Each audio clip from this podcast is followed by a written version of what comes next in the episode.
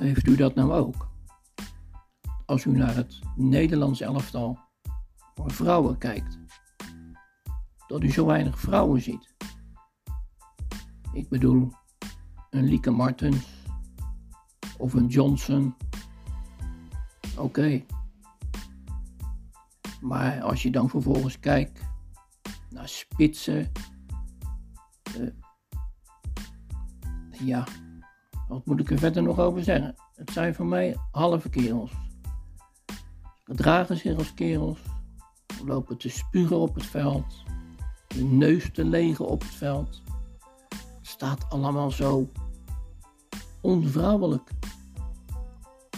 En ik zou er niet over vallen als ze goed zouden spelen.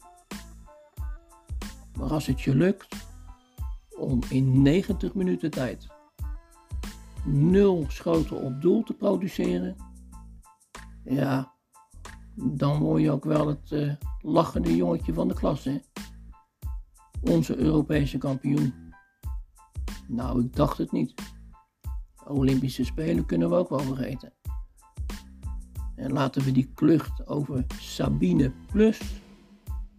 Nou ja, laten we het maar vergeten, want dat was natuurlijk een blunder van de eerste orde. Wie wil daar nu nog achter gaan staan? Nee.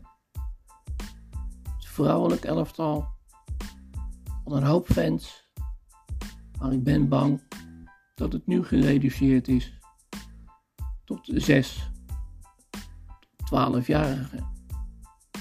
Een normale, volwassen man, een voetballiefhebber, die zet geen voet meer in een stadion als het vrouwelijk Nederlands elftal speelt.